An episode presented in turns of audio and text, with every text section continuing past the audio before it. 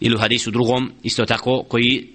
u kom stoji lallahu ašeddu farahan bi teubati abdihi min ahadikum bi rahilatih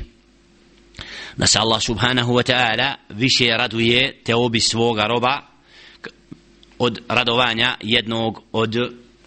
znači od onih koji se obraduje nakon što mu jahalica bude odlutala pa se vrati. Znači da ovdje vidimo isto tako da Allah subhanahu wa ta'ala znači ima svojstvo jafrah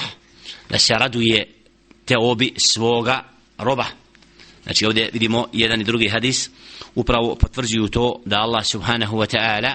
znači se raduje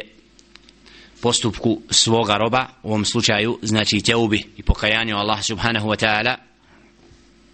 jer Allah subhanahu wa ta'ala voli od svojih robova da se vraćaju i da se kaju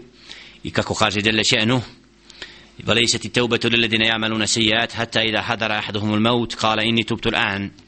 da čovjek treba da se pokaje da ne čeka zadnji moment jer kada čovjeku dođe samrtni znaci onda će biti kasno da se kaje.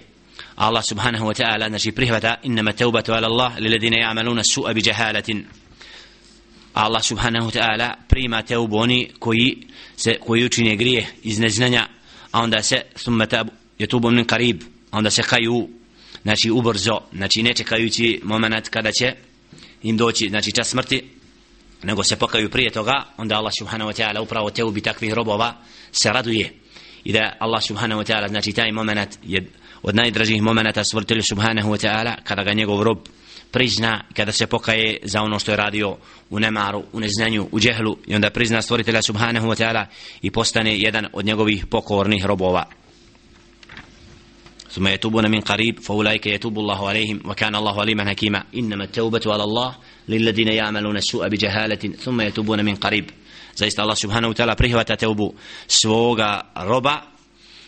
koji znači uradi nešto iz neznanja a onda se ubrzo pokaje ubrzo to jest prije časa smrti znači prizna i pokaje se za grijeh koji je činio onda mu Allah subhanahu wa ta'ala oprosti znači ovaj hadis u, u hadisu Muhammed a.s.